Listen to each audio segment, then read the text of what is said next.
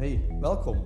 Mijn naam is Brecht Buisgaard. Ik ben oprichter en expert gezondheid en welzijnsmanagement bij Springbok Health Coaching Network. Zalig dat je er terug bij bent en enthousiast dat je de tijd neemt om te luisteren naar onze zesde Springbok Walk Your Talk podcast. Straks gaan we samen op wandel met de toegewijde wijze Hans Maartens. Hans is sinds juli 2015 de gedelegeerde bestuurder bij VOCA, het Vlaamse netwerk van ondernemingen. Hans heeft het onder andere over het belang van een echte connectie met elkaar binnen de rat race van het leven en het taboe rond geestelijke check-ups. We hebben het uitgebreid over de Samen strategie vanuit FOCA en de hefboom die de focus op gezondheid en welzijn ten aanzien van de medewerkers daarin zal brengen in onze economische revival. Ik hoop dat jullie evenveel goesting als mezelf hebben om er opnieuw in te vliegen. Let's go for a walk!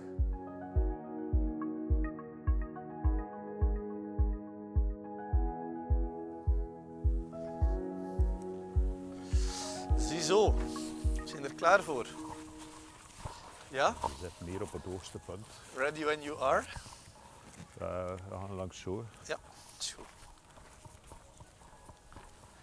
Waar is het? Dus als je kunt oriënteren, dat is, dat is de zee, dat is die richting uit. Ja.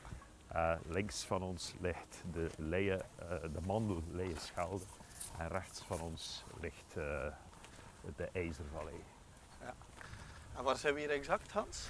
We zijn hier exact in Lichtervelde, op de grens tussen Lichtervelde en daar heb je Beveren Roeselaren. Ja.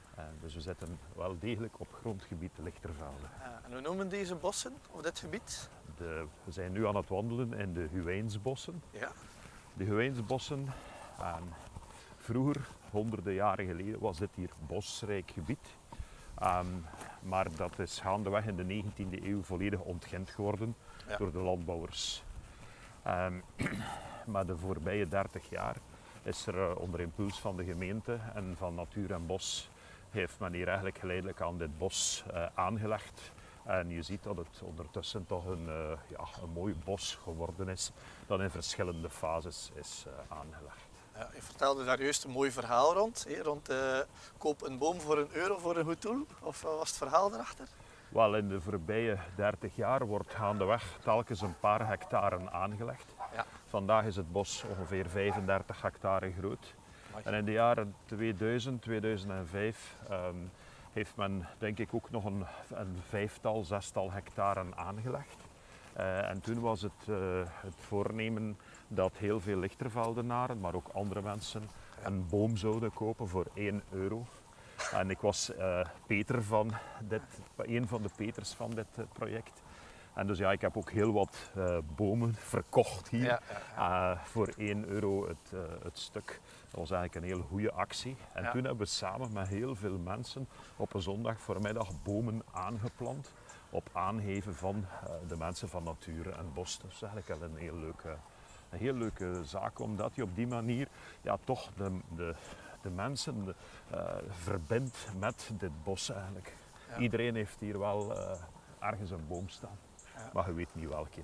Ja, mooi verhaal, mooi initiatief. Daar uh, ben ik een grote fan van alleszins.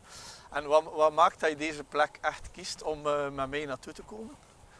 Wel, één, ik, ik ben denk ik vrij sportief. Dus wij komen hier regelmatig wandelen. Het is voor mij ook een, een rustgevende plek. Ja. En vaak s'avonds, na een drukke werkdag, zou ik nog wel eens komen wandelen. En zeker in de zomerperiode. Dus in die zin, het is voor mij een van de plekken waar ik in een druk leven rust vind. Ja. Anderzijds is het voor mij ook een, ja, een symbolische plek. Waarom? Het is een bos in Lichtervelde. En Lichtervelde is toch de gemeente waar ik aan verknocht ben. Ik ben hier geboren en getogen. Uh, heel veel familie woont hier. Ja, dit is mijn gemeente. Ja. En om het zo te zeggen, dat is ook een beetje mijn bos. Ik kom hier alleszins ook tot rust, Hans. Uh, ik wil daar een beetje verder op uh, doorvragen, omdat je zegt van ik ben sportief, ik kom hier tot rust na een drukke werkdag. Hoe zorg jij voor jezelf, Hans? Um, well, ik denk dat er twee zaken zijn. Eerst heb je het, laten we zeggen, uw conditie. Uh, en uw conditie die je op peil houdt door te, ook te ontspannen. Hoe doe ik dat? Eigenlijk op drie manieren. ten eerste Uh, ik fiets heel graag. Ik ben een fervente wielertoerist. Ja? En op jaarbasis rijd ik toch zo'n 5000 kilometer. Dat betekent dat ik iedere week gemiddeld probeer 100 kilometer te fietsen met vrienden. Uh, en dat brengt mij echt wel tot rust. Ja. Um, we rijden vaak, uh, meestal in West-Vlaanderen, ook soms buiten West-Vlaanderen. Maar dat brengt mij echt tot rust en bezorgt mij ook wel een, uh, voldoende goede conditie. Ja.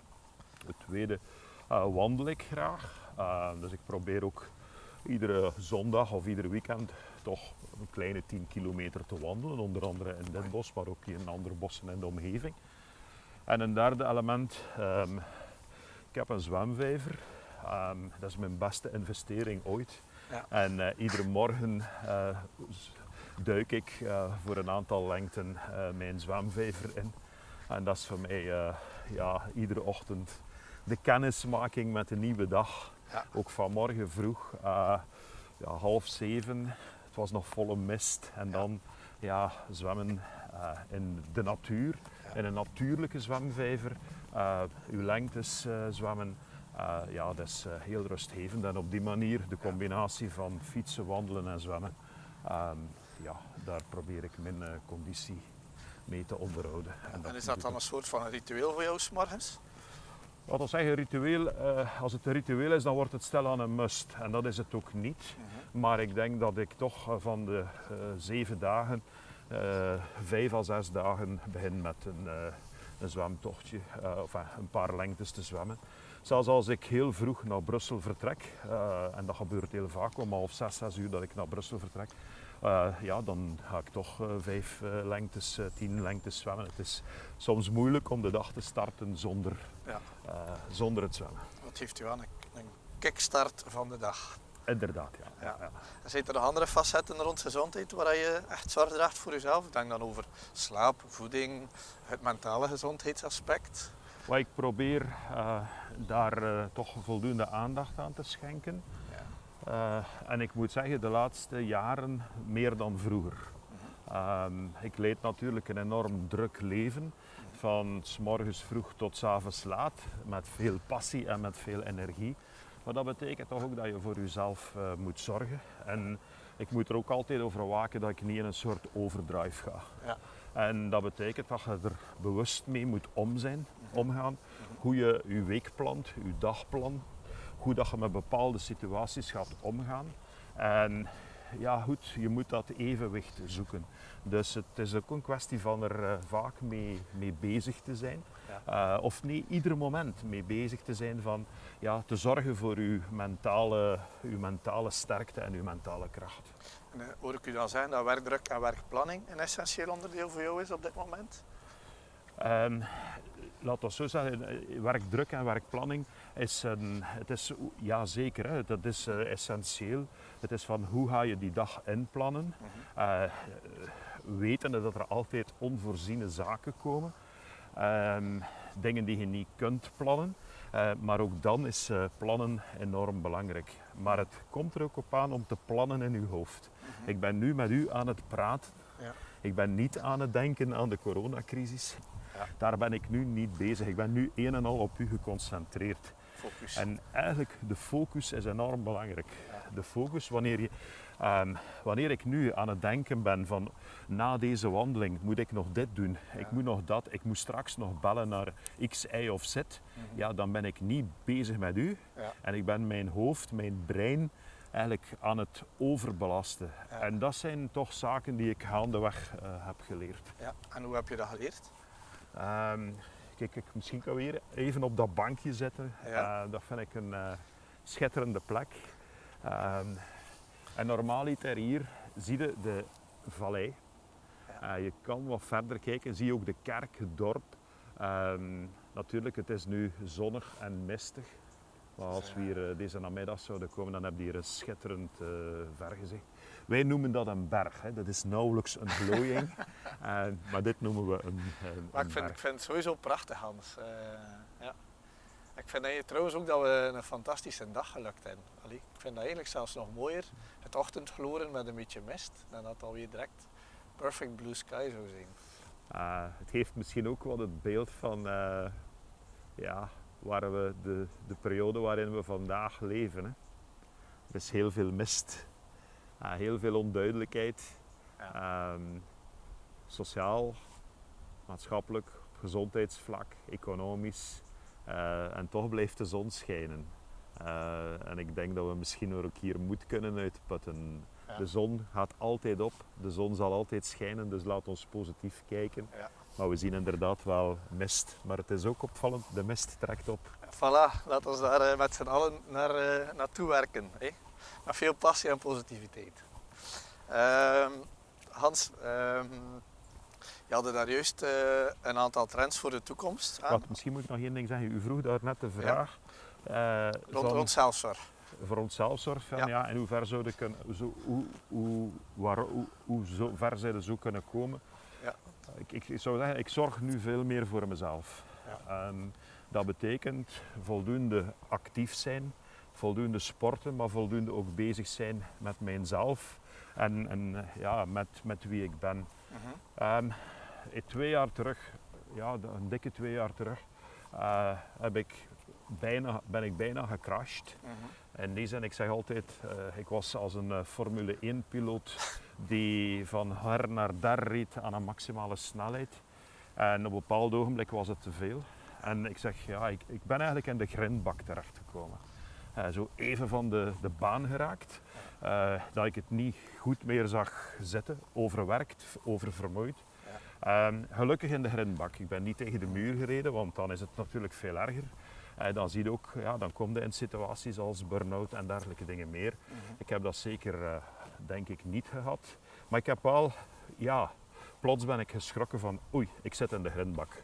Ik, eh, het gaat niet meer zo goed. Ik was eh, vaak vermoeid, eh, minder alert, minder gefocust.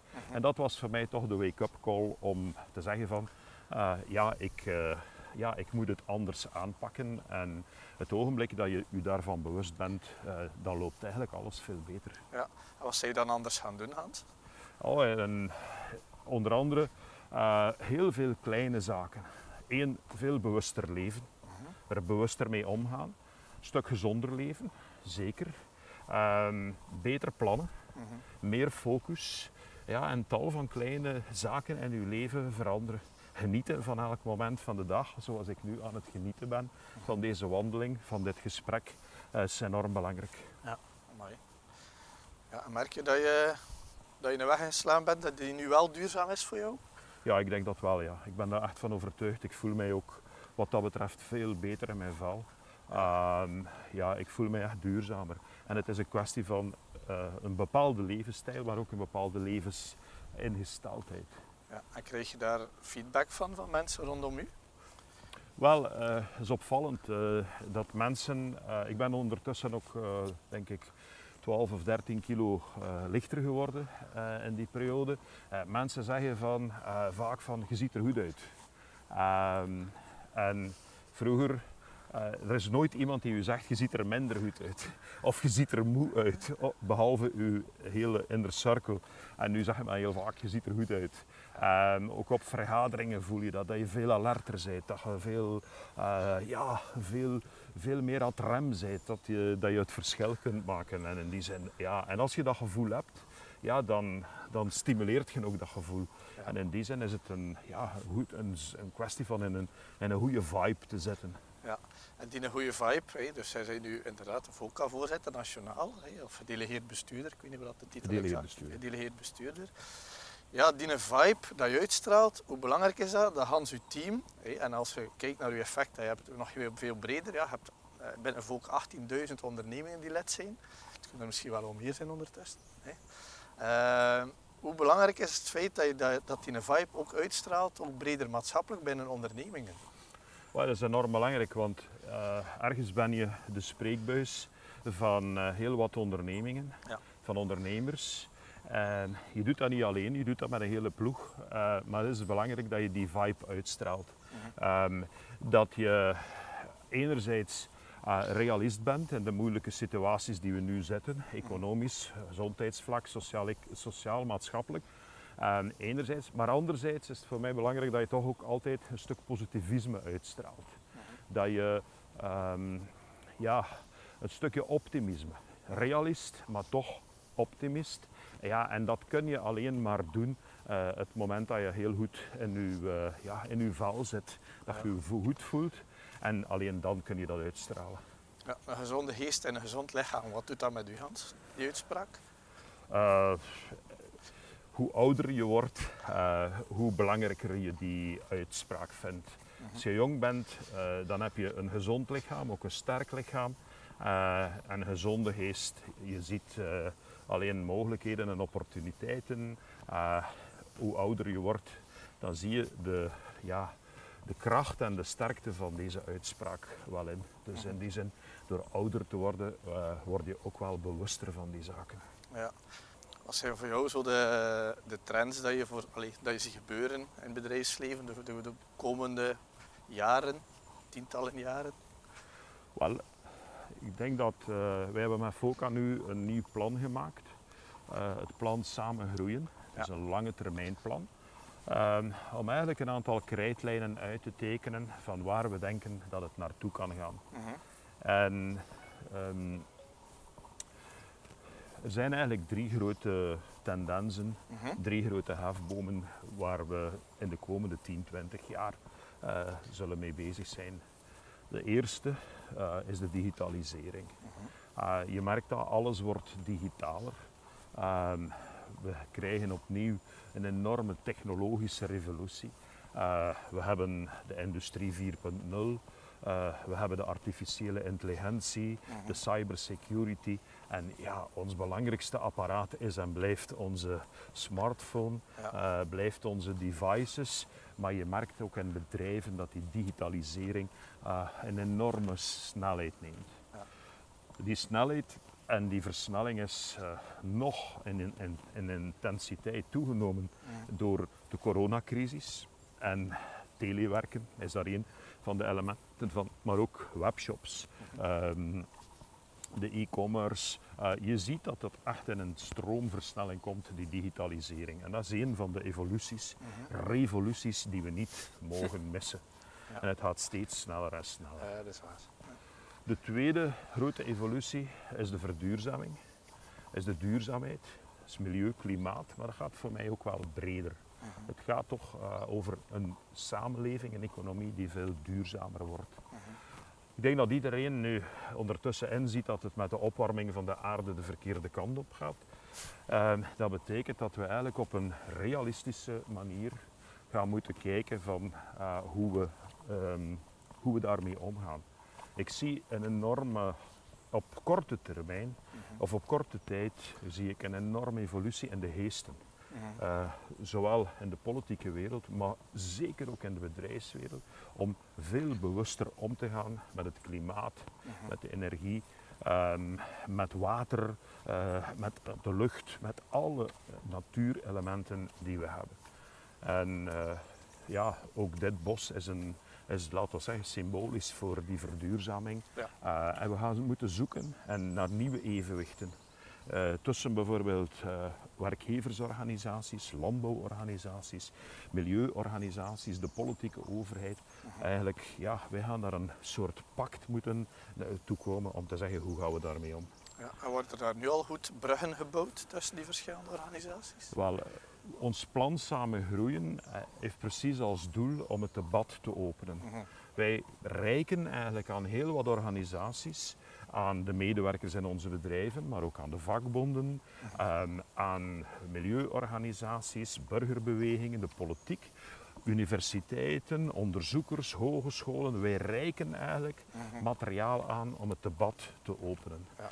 En ik ben ervan overtuigd dat we op termijn gaan moeten komen tot een pact het is misschien een oud woord, maar tot een afspraken, tot een gemeenschappelijke visie om te zeggen, kijk Vlaanderen, wij willen in de komende 20 jaar die richting uit. En daar gaan we met z'n allen aan werken. In Nederland bijvoorbeeld heeft men zo'n duurzaamheidspact, heeft men zo'n klimaatplan. Wij hebben het altijd moeilijk om plannen te maken.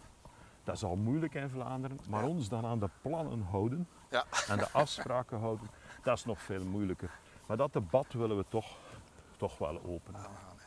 Een derde element in het plan, we vroeg naar de evoluties. De digitalisering is er één, De verduurzaming is er twee. De focus op gezondheid en welzijn. Ja.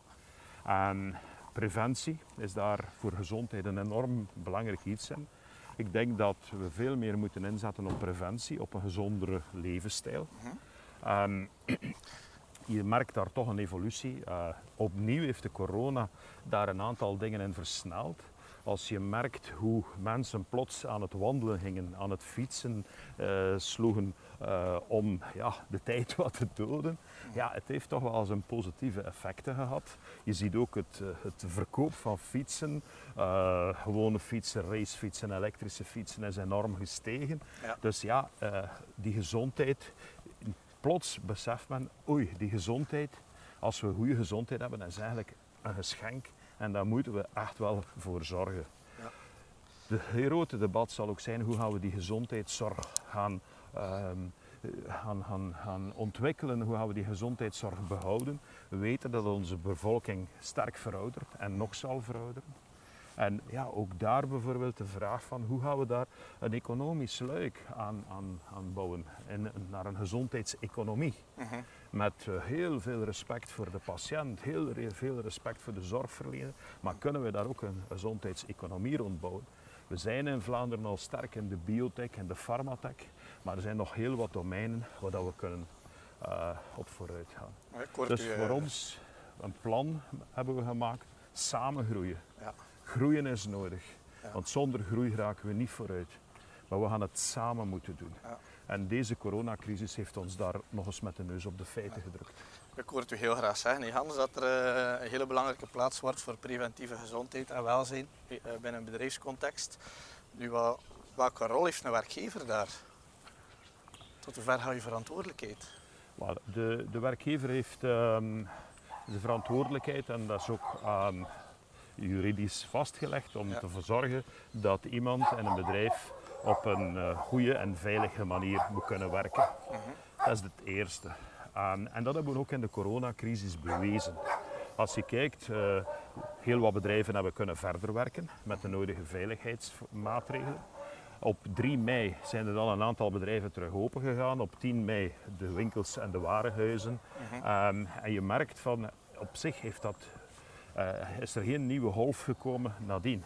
Wat betekent dat bedrijven eigenlijk al heel verantwoordelijk omgaan met, ehm, eh, met eigenlijk al die, voors, eh, die, die gezondheid en die maatregelen voor hun medewerkers. Ja. Maar er is nog iets meer, denk ik.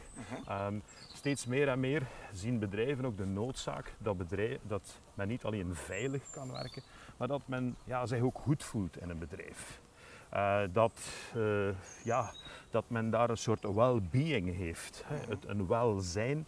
Ehm, en we zien steeds meer en meer bedrijven die initiatieven nemen om ja, ehm, hun bedrijven, eh, hun medewerkers zich veel beter te laten voelen. En dat betekent dan het ter beschikking stellen van sportinfrastructuur, eh, begeleiding van medewerkers, eh, eh, technieken om stress te verminderen.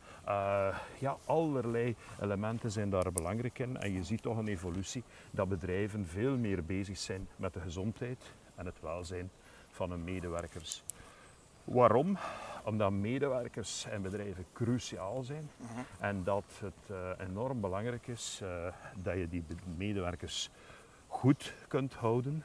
En als je ze goed kunt houden, dan kunnen ze ook langer in je bedrijf houden. Dat is het eh, social eh, capital en het eh, retentiebeleid voor een stukje erin. Social capital en retentiebeleid. Ja. En bedrijven die niet goed zorgen voor hun medewerkers. En zorgen betekent absoluut niet betuttelen, want we zijn in een, een maatschappij die veel te veel betuttelt. Maar ondernemingen, ondernemers die zorgen tussen aanhalingstekens voor hun medewerkers, die kunnen de medewerkers houden. Die hebben gemotiveerde medewerkers en die zullen op termijn het verschil maken. Ja. Ik ben heel blij met zo'n eh, zo'n uitspraak en zo'n zo'n visie hoor, Hans. Ehm, nu merk je daar een bepaalde shift in generaties. Ik kan me inbeelden dat iets wat oudere werkgever op andere zaken let. De jongere werknemers die nieuw in het bedrijf komen, is dat ja, de voorwaarden om ergens te starten? Zijn zijn mensen kritischer geworden? Wel, ehm, Ik zou de vraag op een andere manier willen beantwoorden. Ja. Eh, we zijn in 2020, maar en in een totaal andere eh, maatschappij en economie aan het komen. En je ziet enorm veel evoluties. We hadden het daar net over verduurzaming, digitalisering. Maar je ziet dingen komen zoals deeleconomie. Er zijn zoveel zaken aan het veranderen. En wat zie je? Dat we heel veel van die dingen eigenlijk nog proberen te, druk, te duwen in onze systemen van de vorige eeuw.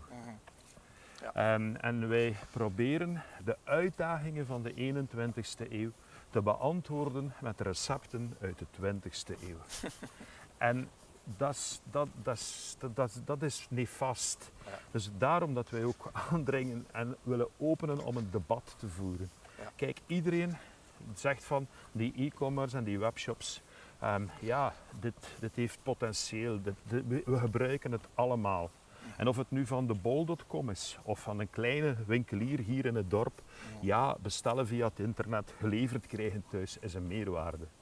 Maar de consequentie is wel dat we dan een nachtarbeid toelaten. Ja. Dat wij een nachtarbeid organiseren. Absoluut. Op een verantwoorde manier, op Ja. een veilige manier, op een manier die duurzaam is. Ja. Maar zonder nachtarbeid kun je geen goede eh, webshops organiseren, kun je geen goede distributie organiseren. En dat doen we dan niet. In Nederland heeft men dit wel gedaan.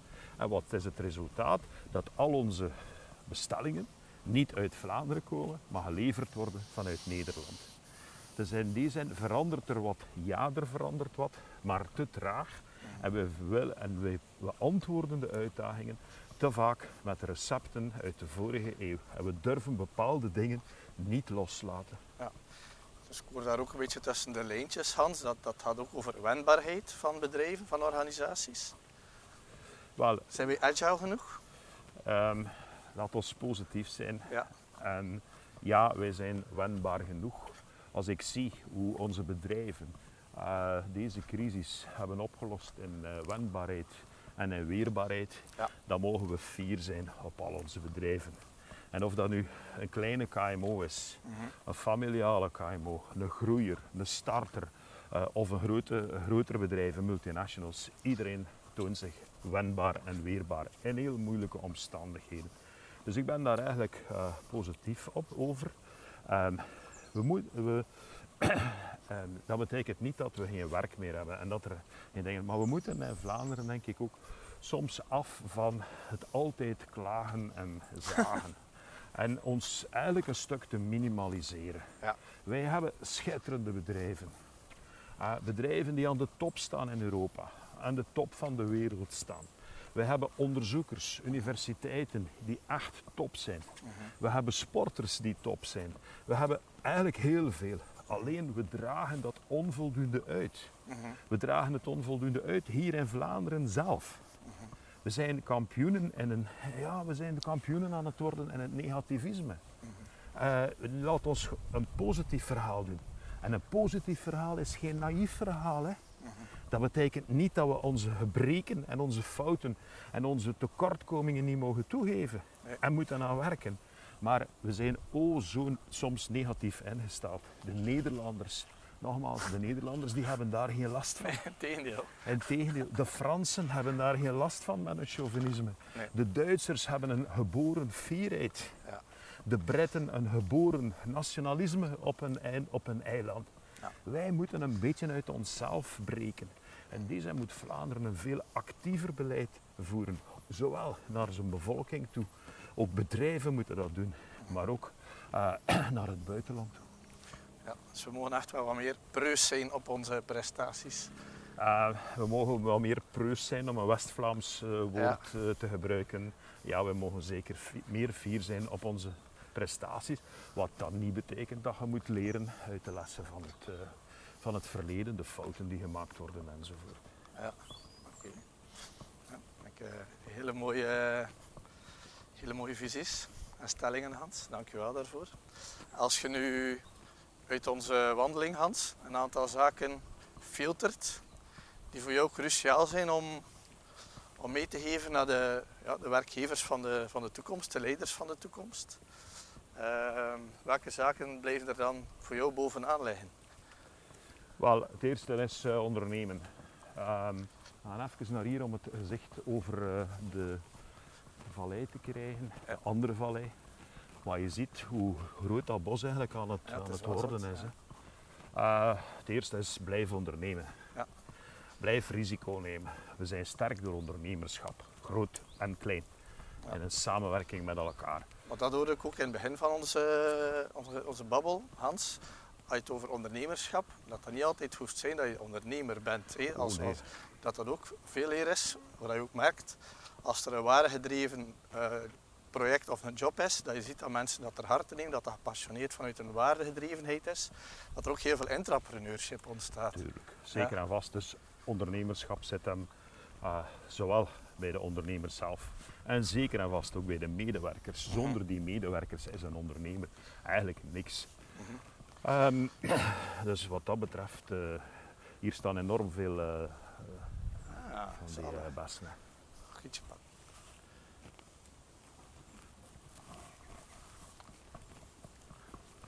Ehm, ondernemerschap is dus, eh, dat is de eerste boodschap.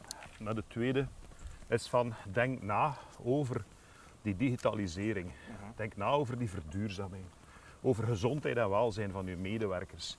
Want een bedrijf zal het verschil maken en een bedrijf zal maar slagen het ogenblik, die bedrijven zullen slagen die, bezig, die de slag kunnen maken en die kunnen zeggen van wij zetten in op digitaal, op duurzaam en op gezondheid. Daar ben ik echt van overtuigd. En die, die zaken beïnvloeden elkaar. We gaan een stuk duurzaamheid creëren door digitale oplossingen. Denk maar aan de slimme verkeerssystemen.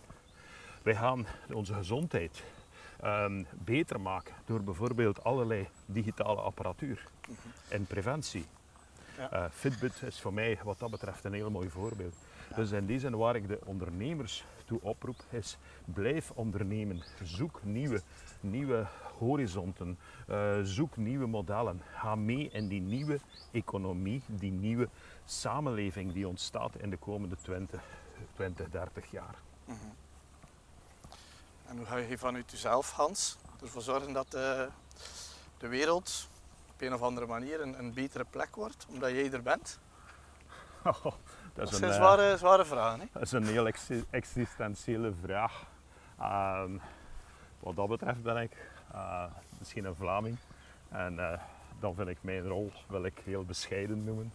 Dat is weer typisch, typisch Vlaams ook weer. Typisch Vlaams, daarom dat ik Ja. het ook zelf zeg. Ja. Maar anderzijds hoop ik dat ik eh, door het verhaal dat ik breng, het verhaal dat ik uitdraag, maar ook met de nodige passie en de nodige energie, dat ik mensen mee kan overtuigen.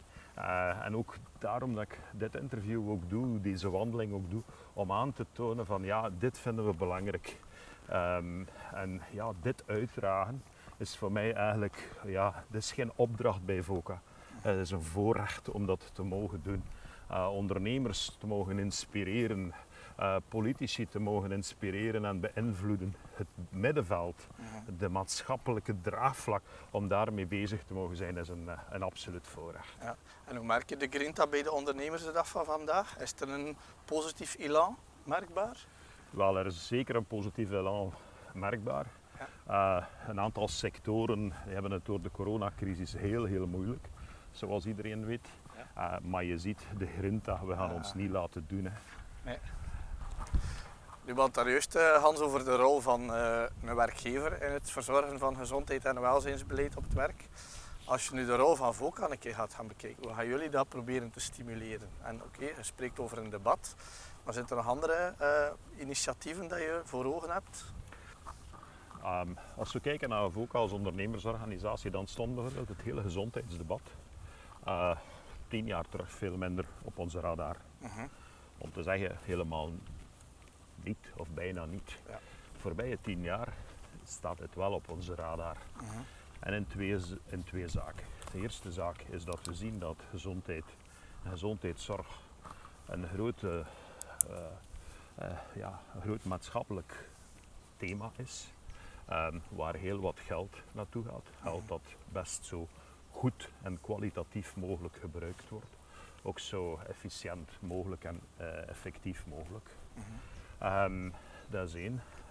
Twee hebben we vastgesteld dat steeds meer en meer bedrijven ook willen investeren in de gezondheidseconomie Mhm. en bezig zijn met toeleveranties aan de zorg of zelf de zorg aanbieden. Ik denk dan aan private rust- en verzorgingstehuizen. Ja. Ehm, dus ehm, we zien eigenlijk een gezondheidseconomie ontstaan, de biotech, de pharma. En een derde stellen we vast dat heel veel bedrijven steeds meer en meer bezig zijn met de gezondheid van hun medewerkers. Dus in die zin is het voor ons toch wel een, eh, een heel belangrijk thema geworden, waar we heel wat mensen in onze organisatie, vaste medewerkers hebben die, daarop, die daarmee bezig zijn. Eén initiatief dat we daarin hebben is de VOCA Health Community. En dit is een community van een eh, tweehonderdtal bedrijven, organisaties, die op heel regelmatig, eh, eh, eh, eh, heel regelmatig bijeenkomen eh, in allerlei sessies, infosessies en projecten ehm, eh, om ja, te werken rond zorg. Dit zijn aan de ene kant bedrijven die in deze sector actief zijn, maar anderzijds ook zorginstellingen, ziekenhuizen, ehm, zelfs patiëntenverenigingen zijn lid van die VOCA Health Community. Ja. Op die manier proberen we dit eigenlijk ook eh, op de agenda te plaatsen, zowel van bedrijven, onderzoekers, ehm, van, eh, ook onderzoeksinstellingen zijn erbij betrokken, Ja. van, eh, van zorginstellingen. We proberen dat debat aan te wakkeren. En last but not least proberen we heel wat van onze infosessies, Mhm. inspiratiesessies, debatten die we organiseren, bezoeken die we organiseren, proberen we eigenlijk ook onze bedrijven te overtuigen hoe belangrijk een gezond HR-beleid is voor een onderneming. Oké. Ja. Nu, ik denk dat er daar ook heel veel curat- curatieve eh, aspecten in zitten. Is er daar ook voldoende aandacht voor het preventieluik? Ehm, zeker, wij, wij, ehm, wij focussen ook wel een stuk op eh, preventie. Mhm. Eh, waarom? Eh, als we kijken naar het zorgbudget eh, dat wij hanteren in dit land, gaat slechts 2% naar preventie. Dat is veel te weinig. Bij de overheid, bij, maar ook bij bedrijven. We moeten daar echt op focussen. Preventie is enorm belangrijk. Wat zien we? Dat heel wat bedrijven eigenlijk nu al bezig zijn met bijvoorbeeld kleine voorbeelden maken soms het verschil. eh, hun medewerkers aan te moedigen om te sporten. Gezamenlijke sportactiviteiten te organiseren. Je ziet bedrijven die aan hun medewerkers een eh, medische check-up aanbieden. Ja. Je ziet eh, bedrijven die veel meer aandacht hebben in hun kantines en hun eetplaatsen voor gezonde voeding. Eh, laat ons daar niet flauw over doen. 30 jaar terug waren het iedere dag frieten. Ja. Eh, vandaag zie je toch een hele tendens naar meer gezonde voeding. Het ter beschikking stellen van fruit zie ik ook in bepaalde bedrijven. Het zit hem al in die kleine dingen. Vo- vo- de bedrijven geven vaak ook naar hun medewerkers het voorbeeld. Het voorbeeld om eh, eh, ja, hoe men gezonder omgaat, bijvoorbeeld in voeding en in levensstijl. Maar het blijft natuurlijk de medewerker zelf die de eindverantwoordelijkheid draagt van hoe hij ermee omgaat en wat hij ermee doet. Maar je cre- creëert wel een context waarin dat gezond gedrag kan gedijen. Inderdaad. Ja. Nu, ik denk dat zeker ook voor KWS West-Vlaanderen, hè, Caroline en Bert, eh, nemen daar ook een vooruitstrevende rol in. Ze hebben daar ook eh, samen met onze Hansen-campagne uitgerold. En wat ook wel belangrijk is, dat, dat zoals je zegt Hans, het is niet een one-shot, het gaat over structureel. Het is ook durven beleidsmatig daar interventies nemen. Durven ook je kantine inrichten, dat er daar echt gezonde maaltijden zijn. Ja, dat kost ook geld, hè. dat is investeren. Dat is investeren. Hè. Dus wat dat betreft. eh, eh, maar bedrijven die, die zien echt wel de noodzaak in. Ja. Eh, om die medewerker gezonder te houden, tevredener te houden, beter te houden. Dat is enorm belangrijk. En twee, onderschat ook niet de kost voor een bedrijf, want het gaat dan uiteindelijk ook om kost. We moeten daar niet flauw over doen. De kost van een bedrijf, als iemand vertrekt die je niet kunt houden, is groot. Maar de kost van iemand die ziek is, is ook groot. Zijnde de kost voor de ziekteverzekering en de zorg die hem moet moeten toekennen, maar ook het feit dat hij niet actief is in een bedrijf. Dus elke zieke minder, elke afwezigheid minder, ja, is, een, is een win voor iedereen. Het is een win voor de medewerker slash patiënt, Het is een win voor het bedrijf Mhm. en het is een win voor eigenlijk de financiën, onze overheidsfinanciën die naar de zorg gaan. Absoluut. Ja. Dus waarom zouden we niet verder werken aan die win, win, win en, aan- en al zijn facetten? Ja. En dan heb je bedrijven die er een business van maken, zoals jullie bedrijf. Ja. Dat is dan nog eens een win. Ja. En een win voor alle medewerkers in die Geven we bedrijven. nog wat eh, werkgelegenheid ook. Ja, fantastisch. Dus hè? wat kan het probleem zijn om daar niet verder op te gaan? Nee, wat de, de challenge dat we heel vaak meemaken, Hans, is dat nog altijd veel bedrijfsleiders dat nog altijd zien als een kost. hè. En, en, en rather dan, dan een investment. hè. Dus, dus die zaken die je zegt, hè, eh, gaan vooral economische waarde. Die spreken dat echt over return on investment. Dus de savings die je doet op absentisme, op presentisme, eh, je, je ziektekosten die, die echt dalen. Maar langs de andere kant, en daar ben ik een- nog een grotere voorst- voorstander van, zeg maar, is de value on investment. Ja, hoeveel de medewerker hebben die een vibe waarover dat we Ja. daar juist spreken, dat jij zelf ook uitstraalt. Ja, misschien, iets- moeten we, misschien moeten we eigenlijk iedereen overtuigen dat alles wat we doen rond gezondheid, dat dat geen kost is, maar een investering. Ja. En in die zin moeten we misschien vragen dat de overheid bijvoorbeeld het mogelijk maakt dat men de inspanning die men levert op het vlak van gezondheid, dat Ja. men die mag afschrijven zoals een investering. En dan heb je echt het symbool, alles wat we doen om de gezondheid van onze bedrijven en de gezondheid van onze medewerkers te promoten, dat dat een investering is. Alleen, we moeten ook geen investeringen moeten we maken dat we geen zotte kosten doen. Nee. Dat we niet eh, bedragen uitgeven die niet verantwoord zijn, waardoor onze competitiviteit onderuit gaat. Ja. Maar in die zin, eh, ja, gezondheid, dat is investeren in de toekomst. Wauw. Ja. Kijk, mijn haar gaat er van recht staan, Hans. Ja, Van zo ik, eh, ik geniet van de zon die nu ondertussen Ja, al wat, wat meer dingen doet. Maar wat is gezondheid? Ook dit, dit interview, ik geniet daarvan. Ja. Eh, dat geeft mij een vibe voor de rest van de dag. Ja. Eh, wat er nu ook kan gebeuren. Kijk, Hans, we zijn bijna op het einde van onze wandeling. Ik zou je wel van harte bedanken voor eh, de tijd dat je creëert om ons samen hier in de natuur onder te dompelen. En even te ja, filosoferen een beetje. En toch ook te dromen van een eh, gezondere, betere toekomst. Een toekomst die gezonder is, die beter is, die digitaler zal zijn en die duurzamer zal zijn. Voilà. En aan dat plan wil ik graag nog een aantal jaren meewerken. Ja. Merci man. Dank u wel. Eh, Zalig toch? Impactmakers echt leren kennen doordat ze niet benauwd zijn om een true face te laten zien. Kwetsbaar leiderschap werkt echt zaligmakend. Zeer dankbaar Hans om ons mee te nemen in je favoriete Hoeijnsbossen te Lichtervelde. Het deed me echt deugd. Midden november lanceren we de zevende podcast met Filip van Eekhouten, gedelegeerd bestuurder bij Liantis. Meer dan de moeite dus om ons te blijven volgen en jullie enthousiasme met de hashtag WalkYourTalk te delen met de wereld via alle sociale mediakanalen. Voor een overzicht en samenvatting van onze Springbok Walk Your Talk podcasts en blogs kan je terecht op de websites springbokcoaching.be en anywise.be. In het voorjaar 2021 komt ons boek Wealthy Workplaces eraan, die de Walk Your Talks en onze lessons learned van de voorbije zeven jaar Springbok coaching zal bundelen. Tot de volgende. Stay wealthy and keep safe. Ciao.